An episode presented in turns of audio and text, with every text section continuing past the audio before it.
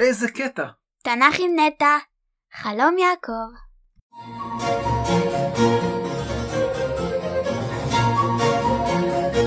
איזה קטע!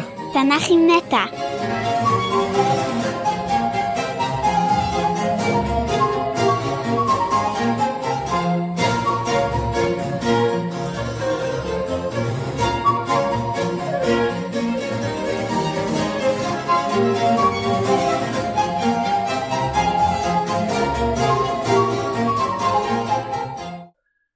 שלום נטע יפתי, מה שלומך? שלום אבא, אני מרגישה מצוין, מה איתך? גם אני בסדר גמור. על מה נדבר היום? היום נדון באחד הסיפורים הכי מעניינים, אותי לפחות, חלום יעקב. אבל לפני זה אני רוצה לומר שהפרק הזה הוא יום הולדת שנתיים להסכת. כבר שנתיים שאנחנו חודש חודש מעלים פרק על סיפורי התנ"ך, את ואני. מרגש. היום יום הולדת, היום יום הולדת, היום יום הולדת, גם לי גם לך. היום יום הולדת, היום יום הולדת, היום יום הולדת, גם לי גם לך. אמרת שנדבר היום על חלום יעקב. נשמע מעניין, שנתחיל? כן. ויקרא יצחק אל יעקב ויברך אותו, ויצווהו ויאמר לו. לא תיקח אישה מבנות כנען, קום לך פדנה ארמה ביתה ותואל אבי אמך, וקח לך משם אישה מבנות לבן אחי אמך, ואל שדי יברך אותך, ויפרך, וירבך, והיית לי קל עמים, ויתן לך את ברכת אברהם לך ולזרעך איתך, לרשתך את ארץ מגוריך אשר נתן אלוהים לאברהם. מה הבנת? יצחק קרא ליעקב ואמר לו, אל תיקח אישה מבנות כנען. כלומר, אל תתחתן עם מישהי מקומי. הוא שלח אותו אל ארם פדן. נכון, איך קוראים לתופעה של ההי במילה? פדנה? ה' המגמה. לאחור, אחורה. יפה.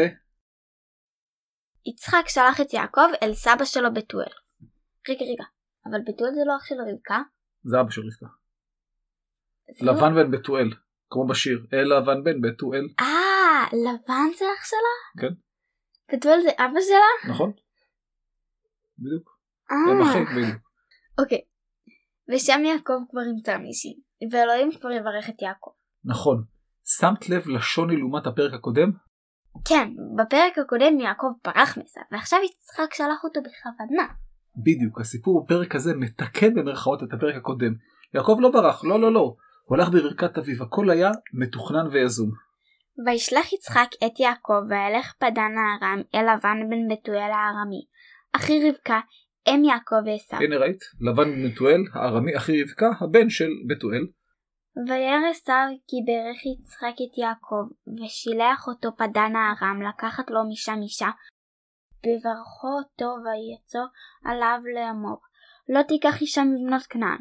וישמע יעקב אל אביו ואל אמו וילך פדן הארם. שמת לב למשהו מיוחד ביחס של רבקה אל הילדים שלה? כן, היא אמא של יעקב ועשיו. יעקב, שהוא הקטן, נזכר ראשון כי הוא בנה האהוב. מעולה. עשו שמע מה שיצחק אמר ליעקב והפנים, לא פה, אלא עוד מעט. עשיו שמע ויעקב הלך לארם פדן. יפה, שימי לב מה עשו עשה. וירא עשו כי רעות בנות כנען בעיני יצחק אביו, וילך עשו אל ישמעאל, ויקח את מחלת בת ישמעאל בן אברהם אחות נוויות, על נשב לא לאישה. רגע, עשיו הבין שהנשים שלו לא מוצאות חן בעיני אבא שלו? כן, אז מדוע הוא התחתן איתן מלכתחילה? שאלה טובה, אינני יודע, אולי רצו להראות שהוא בן לא ראוי להמשיך את השרשרת מאברהם אל יעקב, אבל אני רק משער. ואז הוא התחתן עם מחלת בת ישמעאל? מחלת בת ישמעאל, כן, מחלת, זה נשמע כמו מחלה. נכון, אם כי סביר שמדובר בחולי במובן של תכשיט. מחלת, כלומר המקושטת או משהו כזה. האם ידעת שיש בתנ"ך אישה קרויה חלאה? באמת? כן, שוב, לא חלאה במובן של ימינו, אלא מלשון חולי, תכשיט. רגע, ישמעאל הוא אח של יצחק. חצי אח. נכון, אח, האחווה נמדדת לפי אב, ואברהם הוא אבי שניהם. אז ישמעאל הוא הדוד של עשיו? כן, אז עשיו התחתן עם בדודה שלו. אה, בת דוד שלו כן, אבל זה מאוד מקובל אז, ועד לא מזמן גם בעם ישראל. נישואי בני דודים היו מקובלים, היום זה מאפיין חברות הנחשבות מתפתחות. בחברות הנחשבות כמפותחות, כמעט ואין נישואי בני דודים. מה הכוונה ב"על נשב"? הוא התגרש מהקודמות? על נשב, כלומר בנוסף אלינו. לא גירש את הקיימות, אלא התחתן עם אחת מהמשפחה. ככה שאבא שלו יהיה מרוצה. בעצם עשיו אהב את אבא שלו. לחלוטין, ואם יותר לי לשער, הוא אהב אותו יותר מאשר יעקב שרימה אותו. יעקב לעומת זאת אהב את רבקה יותר מאשר עשיו אהב אותה. וזה ניכר גם ביחס ההורים, יצחק אהב יותר את עשיו, ורבקה אהבה, אהבה יותר את יעקב, אבל זו דעתי בלבד. ויצא יעקב מבאר שבע וילך חרנה. יעקב הלך מבאר שבע לחרן. את באר שבע אני מכירה, ביקרנו שם בפארק המדע ואכלנו במסירה תימנית קטנה. נכון. איפה זה חרן? חרן נמצאת במזרח טורקיה, בדרום המדינה, לא רחוק מהגבול עם סוריה. הזכרנו את חרן בסיפור הנודדי אברהם. נכון, זו הייתה תחנה בדרך מאור לכנע. בדיוק. ויפגע במקום וילן שם, קיווה השמש ויקח מאבני המקום וישם מקשותיו וישכב במקום ההוא. לא הבנתי כמה דברים. כמו מה? הוא פגע במקום. קודם כל למה הוא פגע במקום, ודבר שני כתוב במקום. כלומר מקום מוכר וידוע, ולא במקום סתמי. איפה המקום הזה? יפה. נתחיל בכך שלפגוע בלשון המקרא בא גם במשמעות של לפגוש. הוא פגש מקום, כלומר הגיע למקום המסוים. איפה המקום הזה? בהמשך הפרק מתברר שמדובר בעיר החשובה בית אל. רגע, אם אני זוכרת נכון, רק אחרי החלום יעקב ייתן את השם בית אל, ופה כבר המקום מוכר וידוע. איך זה יכול להיות? שאלה מצוינת. התשובה היא שהסיפור נכתב זמן רב אחרי האירועים, כשבית אל כבר הייתה מוכרת וידועה לכולם. זה מה שנקרא סיפור האיטיולוגי. את זוכרת מה זה? לא. סיפור האיטיולוגי הוא סיפור שמסביר תופעה או שם, למשל, מדוע לנחש אין רגליים, מהמם. מדוע אדם עובד קשה כדי לגדל אוכל, Mhm. ומדוע אישה יולדת בסבל. כי אלוהים יעניש אותם בגן עדן. בדיוק, באותו אופן. מדוע למקום המסוים הזה קוראים כך וכך ויש מקדש? כי יעקב היה שם? בדיוק. מה זה וילן שם? וילן, נוריד את הוו, נקבל ילן, נהפוך לזמן עבר, לן, כלומר, ישן שם. בדיוק. מה הכוונה קיבה השמש? אני יודעת ששמש היא מילה דו-מינית, גם זכר וגם נקבה. אבל לאן הוא בא? השמש יוצאת בבוקר ובאה בערב, כלומר שוקעת. הרעיון הוא שלשמש יש בית. היא יוצאת או הוא יוצא לסיבוב בבוקר, ובא הביתה בערב. מבחינת אנשי קדם, השמש הקיפה את כדור הארץ. זה הפוך למה שחשבתי, השמש בא, כלומר זורח. מצד שני, הוא הולך לישון, אז סביר שהשמש שקעה ולא זרחה. נכון, אז יעקב הלך לישון, שימי לב מה קרה. ויחלום, והנה סולם מוצב ארצה וראשו מגיע השמיימה. והנה מלאכי אלוהים עולים ויורדים בו. והנה אדוני ניצב עליו, על הסולם. ויאמר, אני אדוני אלוהי אברהם, אביך, ואלוהי יצחק. הארץ אשר אתה שוכב עליה, לך אתננה, ולזרעך. ואז זרעך כעפר הארץ, ופרצת ימה וקדמה, וצפונה ונגבה, ונברחו בך כל משפחות האדמה, ובזרעך. והנה אנוכי עמך, ושמרתיך בכל אשר תלך, והשיבותיך אל האדמה הזאת, כי לא אעזבך, עד אשר אם עשיתי את אשר דיברתי לך. קטע ארוך, בואי נפרק אותו לחלקים. קדימה. יעקב ראה סולם ובו מלאכי אלוהים עולים ויורדים. נכון, לא הבנתי דבר אחד. מדוע המלאכים צריכים סולם? יש להם כנפיים. זהו שלא. למלאכים בתנ"ך אין כנפיים. כנפיים הם התפתחות מאוד מאוד מאוחרת. מלאך משמעו שליח. זה יכול להיות שליח אנושי, כמו שמלך ארם שלח מלאכים למלך ישראל. או שליח אלוהי, מישהו מטעם אלוהים. רגע, זה אומר שגם שליח פיצה הוא בעצם מלאך? מלאך פיצה? בדיוק. ויפה, אני רוצה לחדד נקודה אגב. הסולם פה אינו הסולם שאנו מכירים, זו מילה יחידאית. את זוכרת מהי מילה יחידאית? בטח, מילה מופיעה פעם אחת בתנ"ך. בדיוק, אז הנה המילה סולם היא כזו. ומשמע לפי הכדת הוא גרם מדרגות, כלומר הם לא עלו וירדו בסולם כמו בימינו בעזרת הידיים, אלא הלכו בנחת בגרם מדרגות. אבל המלאכים הם רק תפאורה, לא? כן, העיקר הוא שאדוני ניצב עליו על הסולם, ובעיקר בעיקר המסר של אלוהים ליעקב. אלוהים הציג את עצמו כאלוהי אברהם ויצחק והבטיח הבטחה. מה ההבטחה? הארץ אשר אתה שוכב עליה, לך תננה ולזרעך. בדיוק, כשם שהאל הבטיח לאברהם ויצחק את הארץ, הוא הבטיח שוב ליעקב. מדוע האלוהים כל הזמן המשיך להבטיח? לא מספיקה הבטחה אחת לאברהם, וזהו. שאלה טובה. מצד אחד נכון, מספיק להבטיח לאברהם, הלוא מילה של אלוהים היא מילה, אנחנו יודעים את זה. אבל מצד שני חשוב לזכור שלאברהם יש שני בנים, אז למי הם ההבטחה? אז אלוהים הבטיח שוב ליצחק. אה, וליצחק שני בנים, אז צריך להבטיח שוב ליעקב. בדיוק. הברכה הזו מזכירה לי את הברכה לאברהם, עם משפחות האדמה וכל זה. וכל זה, כי יש, אה, אה, הדגש הקל נעלם. עכשיו זה מאוד יפה, ואכן יש קשר, כלומר ההבטחה הזו היא המשכה הטבעי והישיר של ההבטחה ההיא. כלומר יש פה רציפות והמשכיות. מסתמנים לנו שיעקב הוא היורש של הבטחת אברהם, לא עשיו. יעקב, אדוני גם הבטיח לו שהוא יהיה איתו.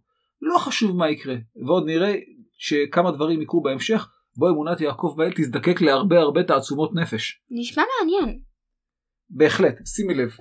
ויקץ יעקב משנתו, ויאמר, אכן יש אדוני במקום הזה, ואנוכי לא ידעתי. ויירא, כלומר פחד, ויאמר, מה נורא המקום הזה? אין זה כי אם בית אלוהים, וזה שער השמיים. וישכם יעקב בבוקר, ויקח את האבן אשר שם מראשותיו, כלומר מתחת לראש שלו, וישם אותה מצבה, ויצוק שמן על ראשה, ויקרא את שם המקום ההוא בית אל, ואולם לוז שם העיר לראשונה. מה קרה? יעקב התעורר. הקיץ משנתו. אכן, הוא התעורר ואמר שוואלה, יש פה אדוני ואני לא ידעתי. הוא קצת נבהל, כתוב ויירא, כלומר יראה ופחד, הוא לא ציפה שבמסע לחרן אדוני יתגלה אליו. למעשה עד עכשיו אין שום מידע על דברי אדוני ליעקב, אז ברור מדוע הוא קצת בלחץ. מה המסקנה של יעקב? אין זה כי אם בית אלוהים וזה שער השמיים. בדיוק, יש מקום בו האל התגלה, אז זה מקום מיוחד. זו הסיבה שצאצאי יעקב קידשו את המקום הזה. או לפי המחקר המקום התקדש, ואז סיפרו סיפור שקידש אותו בדיעבד. מה נכון? אינני יודע, כחוקר אני נוטה לתשובה השנייה. כיהודי גם האפשרות הראשונה קבילה, אז מה הוא עשה? הוא השכים בבוקר ויקח את האבן אשר שם מראשותיו, וישם אותה מצבה ויצוק שמן על ראשה. הוא לקח את האבן ששימשה לו כרית, עשה ממנה מצבה ויצק עליה שמן. למה לעשות את זה? הקמת המצבה נועדה לצורך זיכרון. כמו מצבה בבית קברות? כן, גם מצבה בבית קברות היא אבן זיכרון לאדם הקבור שם. ויציקת השמן, מה מטרתה? כך הוא קידש את האבן. לא ברור מהיכן היה לו שמן, אבל זה לא חשוב. העיקר הוא שהמצבה התקדשה, ובמקום הזה יקום בעתיד מקדש שבו צאצאי יעקב, כלומר הישראלים יעבדו את אדוני. האל שהתגלה לאב הקדום בדיוק במקום הזה. רק פה הוא קורא למקום בשם בית אל. הכוונה היא הבית של האל? כן, מה שנקרא סמיכות. מה הכוונה? יש דבר שנקרא שם עצם, כיסא, רגל, בננה. משהו שניתן לגעת בו. לא רק, יש שמות עצם מופשטים כמו אהבה, שמחה וכיוצא בזה. ויש מה שנקרא שם תואר. משהו שמתאר? בדיוק. גדול, יפה, מהיר וכיוצא בזה. שם התואר כשמו כן הוא מתאר את שם העצם, למשל ילדה יפה. הילדה הוא שם עצם והיפה הוא שם התואר. היפה מתארת הילדה. במקרה הזה ילדה יפה זו את כמובן. תודה. יש לי את הגנים שלך. חן חן. ועכשיו לפעמים שם עצם אחד מסביר שם עצם אחר. וזה נקרא סמיכות, מסביר במרכאות, כן? למשל, בית ספר, יש בית. איזה בית? בית של הספר. הספר מסביר איזה בית זה בדיוק. זה למשל, זה לא בית מאפה או לא בית אה, שימוש או משהו כזה, זה בית ספר. עכשיו, באותו אופן, חבר כנסת. הכנסת מסבירה איזה חבר זה. גם גבעת ישעיהו. ישעיהו מסביר איזה גבעה זו. בהחלט. אז בית אל, האל מסביר איזה בית זה. אז כשיש בית, משהו, אז המשהו מסביר איזה בית זה. כן, בית המקדש, בית לחם, בית קברות, בית משפט ועוד ועוד ועוד. איך קראו לעיר לפני בית אל? לוז. נכון, סיפור כיבוש לוז יופיע בעוד כמה ספרים, כלומר ברור שהסיפור מסביר בדיעבד את מקור שמה של העיר. יש מושב לוזית לידינו. נכון, אבל לדעתי אין קשר, בית אל נמצאת כמה עשרות קילומטרים צפון מזרח מלוזית. מה קרה בהמשך? וידור יעקב נדר לאמור, אם יהיה אלוהים יעמדי ושמרני בדרך הזה אשר אני הולך, ונתן לי לחם לאכול ובגד ללבוש, ושבתי ושלום אל בית אבי, והיה אדוני לי לאלוהים, והאבן הזאת אשר שמתי מצבה, יהיה בית אלוהים, וכל אשר תיתן לי אעשר אעשרנו לך. יעקב נדר נדר. נכון, הוא לא ממש הכיר את אדוני, אז הוא נדר, אבל יש תנאי. שימי לב, אם אלוהים יהיה איתו, וישמור עליו, וידאג לו לכל מחסורו, וישיב אותו בשלום אל בית אבי ואל יצחק, אז ורק אז הוא יהיה לו לאלוהים. כלומר, קודם אלוהים יעזור ליעקב, ואז יעקב יקבל את אדוני כאל שלו. וכדי להוכיח שהוא רציני, הוא אמר שהמצבה שלו תהפוך למקדש, ואחרי שהכל יקרה, הוא יעקב ייתן מעשר, כלומר עשירית מרכושו לאלוהים. יש פה הרבה תנאים מצד יעקב. קצת חצוף, לא? לא ממש, יעקב חלם חלום, אין לו מושג מי זה באמת האל הזה שהתגלה אליו. אז הוא הולך על הצד הבטוח. אתה אלוהים תעזור לי, ורק אז אני אדע שאתה אלוהים רציני. אני יכול להבין אותו. הבנתי. זה סוף הפרק נדמה לי, לא? בתורה או שלנו? גם וגם. אמת. להתראות נטע. להתראות אבא. איך היה? כן.